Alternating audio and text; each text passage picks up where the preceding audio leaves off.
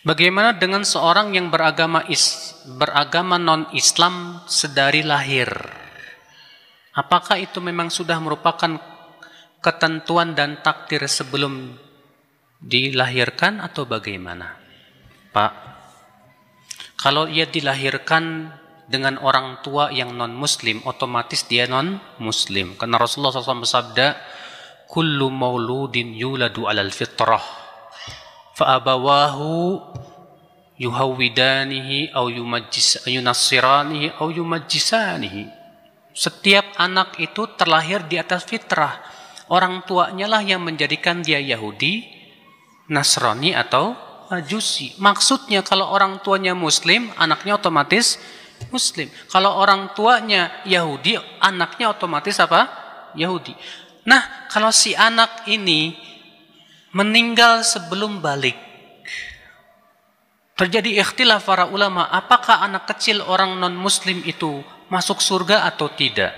Pendapat yang rojih bahwa anak-anak orang-orang kafir yang meninggal itu tetap masuk surga dan mereka menjadi pelayan-pelayan penduduk surga.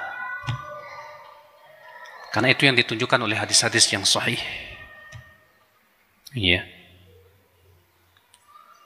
Yang kedua, kalau orang kafir itu meninggal dalam keadaan sudah balik, maka dilihat sudah sampai belum kepada dia apa? Pemberi peringatan.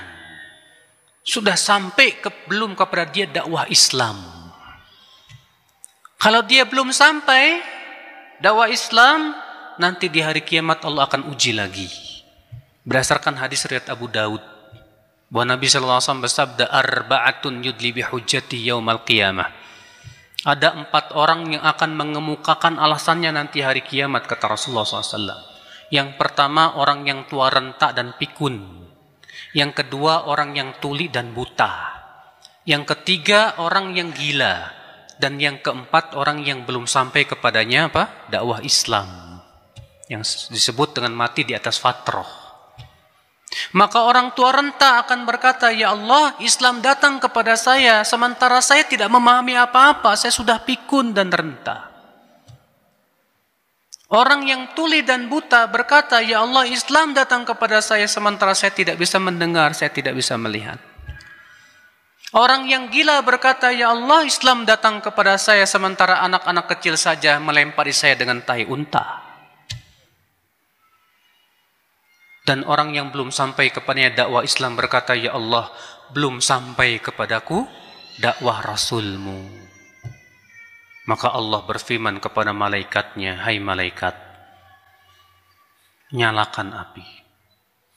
Lalu Allah mengambil dari orang-orang ini perjanjian untuk menaati dirinya.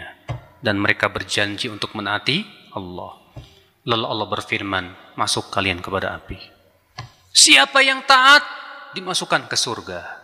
Dan siapa yang tidak taat diseret ke dalam api neraka. Tapi apakah kekal atau tidak? Wallahu alam. Tidak tahu. Karena tidak ada dalilnya. Pak. Yang jelas Allah tidak mungkin berbuat zolim. Pak. Allah tidak mungkin apa? Berbuat zolim. Makanya Allah mengatakan, وَمَا كُنَّا مُعَذِّبِينَ حَتَّى نَبْعَثَ رَسُولًا Kami tidak akan mengadab sampai kami utus dulu Rasul. Kalau sudah diutus Rasul, sudah sampai kepada dakwah Rasul, dia menolak bahkan memerangi, baru ini dia yang diadab oleh Allah Subhanahu wa taala. Allah Maha adil. Ya. Keadilan Allah itu Pak lebih adil dari semua orang yang adil. Karena ilmu Allah meliputi ke segala sesuatu, sedangkan ilmu kita sangat ter terbatas sekali. Ya.